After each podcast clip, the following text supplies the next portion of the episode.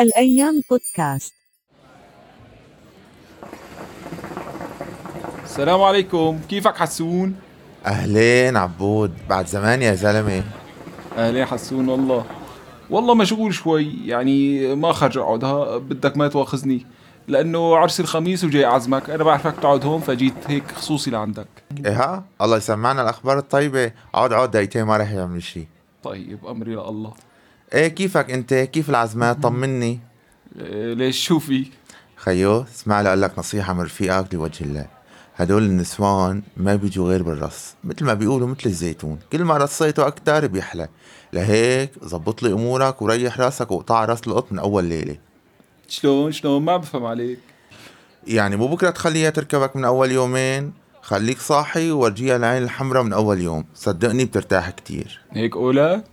لك إيه إيه مثل ما عم قول لك النسوان بشكل عام بيحبوا الرجال الحمش. يعني يلي بينزل فيهم على الطالعه والنازلة. بإحدى السنوات الدراسية كانت المعلمة عم تفسر لنا سبب الغضب بطريقة لطيفة جدا. خبرتنا وقتها أنه لما بتسود المحبة بين القلوب بتصير اللغة المتداولة بين الأشخاص أقرب للهمس وبتنخفض نبرة الصوت وبتسود لغة الحوار. وردت السبب وقتها لقرب القلوب من بعض البعض. ولما بيتوتر الجو بيتملك الأشخاص حالة من الغضب بتتنافر القلوب وبتبتعد عن بعض البعض وبسبب هالابتعاد بيعلى الصوت لحتى يسمع كل طرف التاني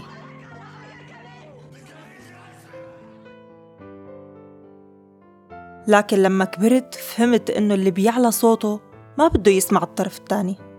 أو بده بس يكون صوته هو الطاغي والمسموع. وهدفه الأساسي إنه يرهب الطرف التاني وأحيانا هالشي بيكون مقدمة لشيء آخر اللي هو العنف.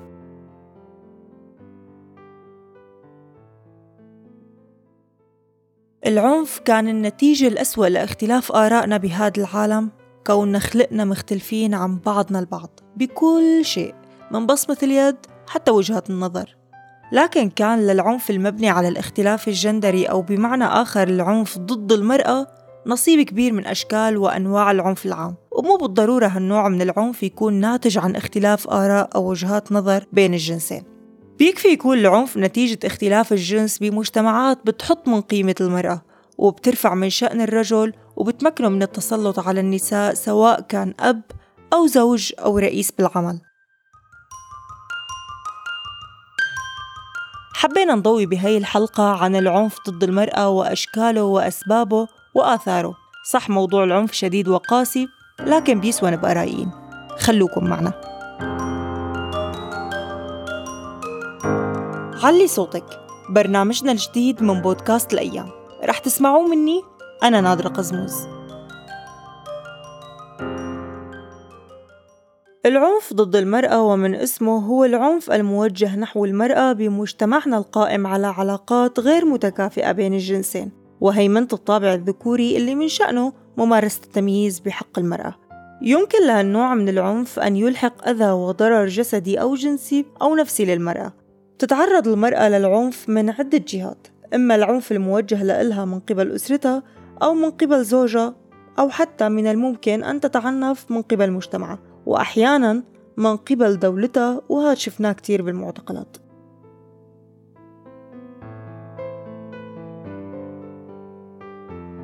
بياخد العنف الموجه ضد المرأة أشكال كتيرة ومتنوعة. واحد منها العنف الجسدي. هالنوع من العنف بيتراوح بين الضرب وإلحاق الأذية بالمرأة إن كانت بشكل مؤقت ناتج عن جروح وكدمات أو بشكل دائم متسببة بعاهة لا تشفى؟ مثل الاعتداءات برش مواد حامضة على وجه المرأة والهدف الأساسي تشويهها أو تعذيبها وأحيانا موتها. بعض النساء أحيانا بتتعرض لعنف جنسي وبنقصد بالعنف الجنسي هون هو العنف اللي بيجبر فيه الذكر المعنف الفتاة على ممارسة فعل جنسي بغير رغبتها مثل الاغتصاب والتحرش الجنسي والبغاء القسري وحتى إكراه الزوج لزوجته على إقامة العلاقة الجنسية بدون رغبتها كما أنه بعض الرجال بتطلب من المرأة إجراء عمليات إجهاض أو تعقيم بدون الالتفات لرغبتها. طبعا إذا افترضنا أنه بيعتبر عندها رغبة هالشي كله بيتناسب مع عقلية المعنف اللي بينظر للمرأة على أنها وعاء جنسي خلقت للحمل ولتأدية رغباته.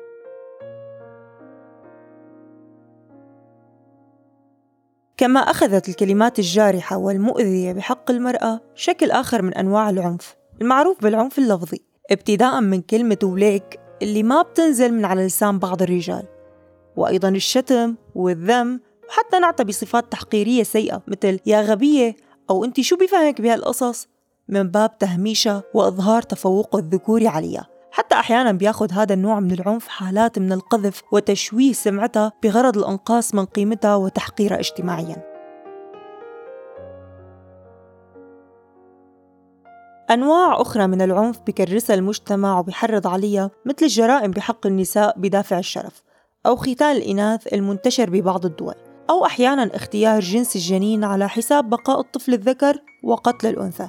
أو حتى الزواج الإجباري اللي بتقرره بعض العائلات على نسائها ومع التطور التكنولوجي صار في شكل آخر للعنف ضد النساء. هو العنف الإلكتروني على وسائل التواصل الاجتماعي مثل التنمر على شكل المرأة أو استخدام صورها بدون إذنها ومشاركتها مع عبارات غير لائقة أو انتحال شخصيتها ونشر أشياء باسمها وأحيانا كمان التحرش بها أو نعتها بصفات بذيئة أمام الجميع.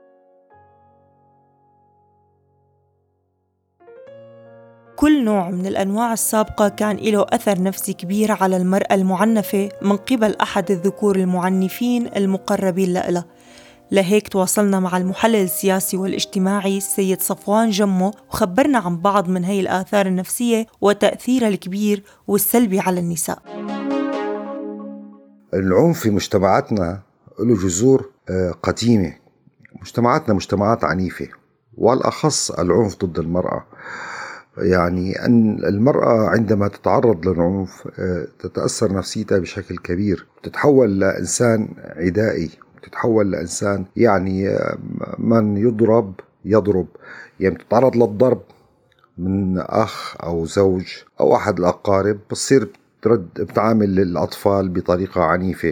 بيطلع جيل عنيف أكثر منا. نحن عمليا العنف يولد العنف دائما. ونحن آه، بهالأسلوب هذا طالع مجتمعات مهيئة لإنتاج التطرف وإنتاج يعني آه، التطرف اللي ظهر بمجتمعاتنا والعنف اللي ظهر بمجتمعاتنا. أنا برجعه لأسباب عديدة اللي هو العنف ضد المرأة. المرأة هي التي تربي الطفل وهي التي تنشئ الأجيال. عندما تكون المرأة معنفة وتتعرض للضرب من قبل زوجها أو من قبل أحد أفراد أسرتها تربي الأطفال على العنف والعنف يعني يولد عنف جديد وهكذا. لكل نتيجة سبب لهيك لابد من وجود أسباب ودوافع دفعت المعنف ليقدم على فعلته مع الضحية. شو كانت هالدوافع وهالأسباب؟ برأي السيد صفوان؟ هلا العنف في مجتمعات والمجتمعات المتخلفة مثل مجتمعنا هو نتيجة طبيعية يعني العنف تحدثنا أن العنف يولد عنف آخر. الدوافع للعنف كثيرة قد تكون دوافع اقتصادية قد تكون نتيجة التربية. آه، الطفل الذي يربى على التعنيف سوف يتحول يعني الذكر عندما يكون صغير ويتعرض للضرب من والده أو والدته سوف يمارس الضرب على شقيقته بمرحلة لاحقة وبزوجته بمرحلة التي تليها وربما على كل من يعترض طريقه. هو ناتج طبيعي ناتج طبيعي لأن نحن عمليا مجتمعنا كله ربي على العنف. طبعا آه، العامل الاقتصادي أكيد عامل مهم جدا يعني وعوامل التربية كمان عامل آه، حكينا عنه هو أساسي وهو بيدفع الناس لحتى يكونوا عنيفين. منلاحظ إنه أغلب النساء اللواتي يتعرضن للعنف بيكونوا تابعين ماديا للرجل. يا ترى لأي درجة بيساهم الاستقلال المادي برفع العنف عن المرأة؟ هلأ العامل الاقتصادي عامل مهم أكيد. يعني المرأة التابعة اقتصاديا للرجل يعني معرضة للعنف أكثر من غيرها. هالحكي يعني صحيح إلى حد ما لأن نفس هالأسرة هي لو كانت المرأة يعني عندها مورد مادي أو دخل من عمل أو من شيء آخر. هل ينتهي العنف؟ ليس بالضرورة. المشكلة بالذهنية وطريقة التفكير. نحن مجتمعات متخلفة. هالمجتمعات المتخلفة نفكر بطريقة خاطئة. ولا نعطي للنقد أي قيمة في أفكارنا وفي سلوكياتنا. نحن نرفض النقد والمجتمع الذي لا ينتقد الأفكار التي يقوم عليها هذا المجتمع هذا مجتمع لا يمكن أن ينهض. نحن بحاجة لإعادة التفكير بكل ما هو موروث من ثقافتنا الاجتماعية والثقافية والدينية حتى والدينية أركز عليها وأن نلغي التابويات من حياتنا وأن يكون كل شيء قابل للطرح والدراسة والتفكير والتمحيص والتدقيق فيه وإعادته لمصدره وأخذ ما هو مفيد للمجتمع من خلاله. هلا المرحلة آه، إنه أن تكون المرأة مستقلة اقتصاديا أعتقد إنه يحد من من أثر هذه الظاهرة إلى حد ما ولكن لا يلغيها ضمن ذهنية مجتمعاتنا. من عام 1991 لحد اليوم تم إطلاق حملة ال 16 يوم لمناهضة العنف ضد المرأة من قبل الأمم المتحدة. هاي الحملة بتهدف لمناهضة كل أشكال العنف ضد النساء والفتيات بالعالم كما أنه تم تخصيص اللون البرتقالي لهذه الحملة كدلالة لمستقبل أكثر إشراقا وخالي من العنف ضد النساء هل يا ترى هالحملات عم بيكون صوتها عالي ببلداننا العربية أو بمعنى آخر هل عم تصل لكل الناس؟ وشو ممكن نعمل حتى نخلص من هي الظاهرة؟ الحقيقة نحن السوريون نعيش في في الماضي ونعيش في هذا الزمن. وللأسف الأمم المتحدة التي آه، تنظم مثل هذه الحملات هي من تدعم والمجتمع الدولي هي من تدعم من آه، يجعلنا في هذا السبات ويتركنا نعيش في الماضي. نحن آه، لو سألت أي سوري عن هذه الحملات أعتقد لا يعرف عنها شيء لأن المجتمع السوري مغيب تماما. عن الحداثة مغيب تماما عن الحاض... عن الثقافة وعن الحضارة وهي من التابويات والممنوعات كانت في مجتمعنا. كان هناك في سوريا يعني آه، بعد الهياكل الوهمية التي تخص المرأة وأحيانا الطفل ولكن كانت آه، لعبة في يد النظام وأجهزة المخابرات التابعة له. نحن السوريين غائبين تماما عن هذه الحملات. أتمنى من الأمم المتحدة ومن العاملين ضمن هيئات الأمم المتحدة ومنظمات المجتمع المدني أن يولوا هذا الموضوع أهمية وأن يعطى هذا الموضوع حقه وأن يطرح للعوام وأن يطرح للعلن وبصوت عال إن هذا إن مثل هذه الإجراء قد يؤدي مع الوقت إلى تغير جذري في طريقة تفكير الناس وفي منهجية عمل مجتمعنا والانطلاق بنا نحو المستقبل.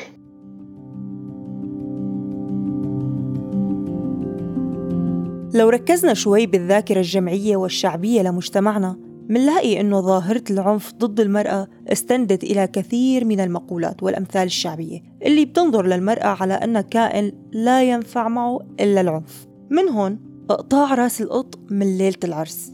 البنات يا تسترهن يا تقبرهن. إكسور للمرأة ضلع بيطلع لها 22 ضلع. المرأة مثل السجادة كل فترة بدها نفض المرأة مثل الزيتونة ما بتحلق إلا بالرأس. كلها عبارات كرست العنف والنظرة الدونية للمرأة بين أوساط الرجال فكان العنف تحصيل حاصل بالمجتمع.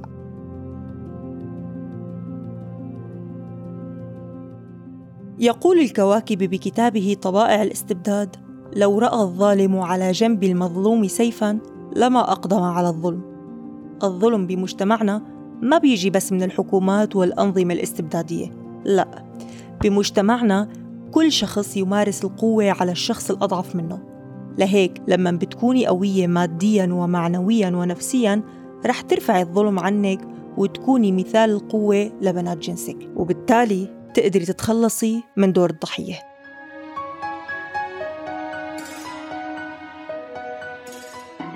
كنت معكم أنا نادرة قزموز من برنامج علي صوتك من بودكاست الأيام.